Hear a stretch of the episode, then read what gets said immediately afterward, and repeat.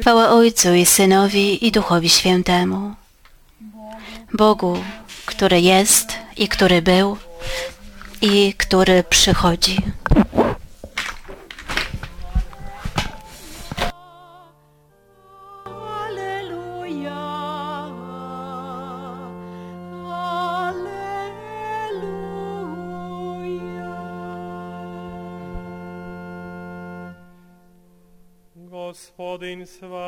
Pan z wami.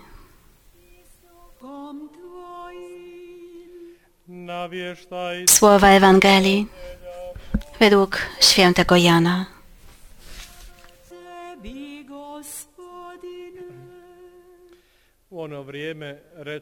Jezus powiedział do Nikodema: Tak Bóg umiłował świat, że syna swego jednorodzonego dał, aby każdy, kto w niego wierzy, nie zginął, ale miał życie wieczne.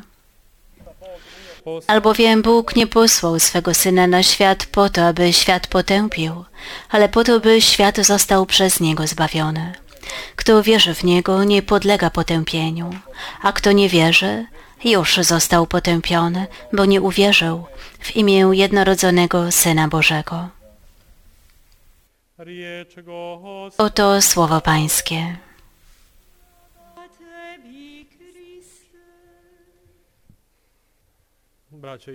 Bracia i siostry,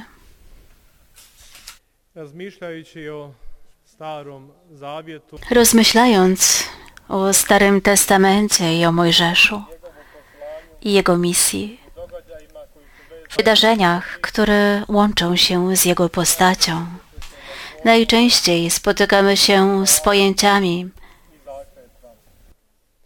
przymierze, przysięga. Te pojęcia są kluczowe w zrozumieniu relacji między Bogiem i Jego ludem. Przed narodem zawsze stoi jednostka, która w imię narodu i dla narodu pośredniczy przed Bogiem. izvještajima staroga W wielu sprawozdaniach ze Starego Testamentu znajdujemy główne postaci. Mamy postać Mojżesza, ale jego rola pośrednicząca nie staje się warunkiem w relacji pomiędzy Bogiem i ludem.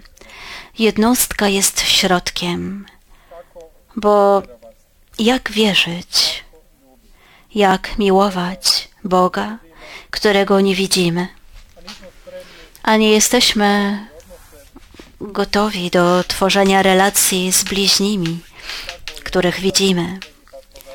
Tak po wyjściu z niewoli egipskiej Mojżesz miał problemy w relacjach ze swoim bratem i siostrą. Miriam i Aaron stali się zawistni wobec Mojżesza. Teraz my tutaj tworzymy przymierze z Bogiem poprzez swoich bliźnich. Nikt nie może powiedzieć, że wierzy. Nikt nie może wierzyć w Najświętszą Trójcę, ukazywać prawdziwy szacunek do Boga jako jednostka bez wspólnoty z innymi ludźmi. Przymierze wcześniej było zawierane poprzez składanie przysięgi wierności. Często łączyło się to również ze składaniem ofiar ze zwierząt jako świadectwo przysięgi. Wierność takiej przysięgi przynosiła błogosławieństwo, a przekleństwo temu, kto był niewierny. Oprócz tego obrzęd zawiera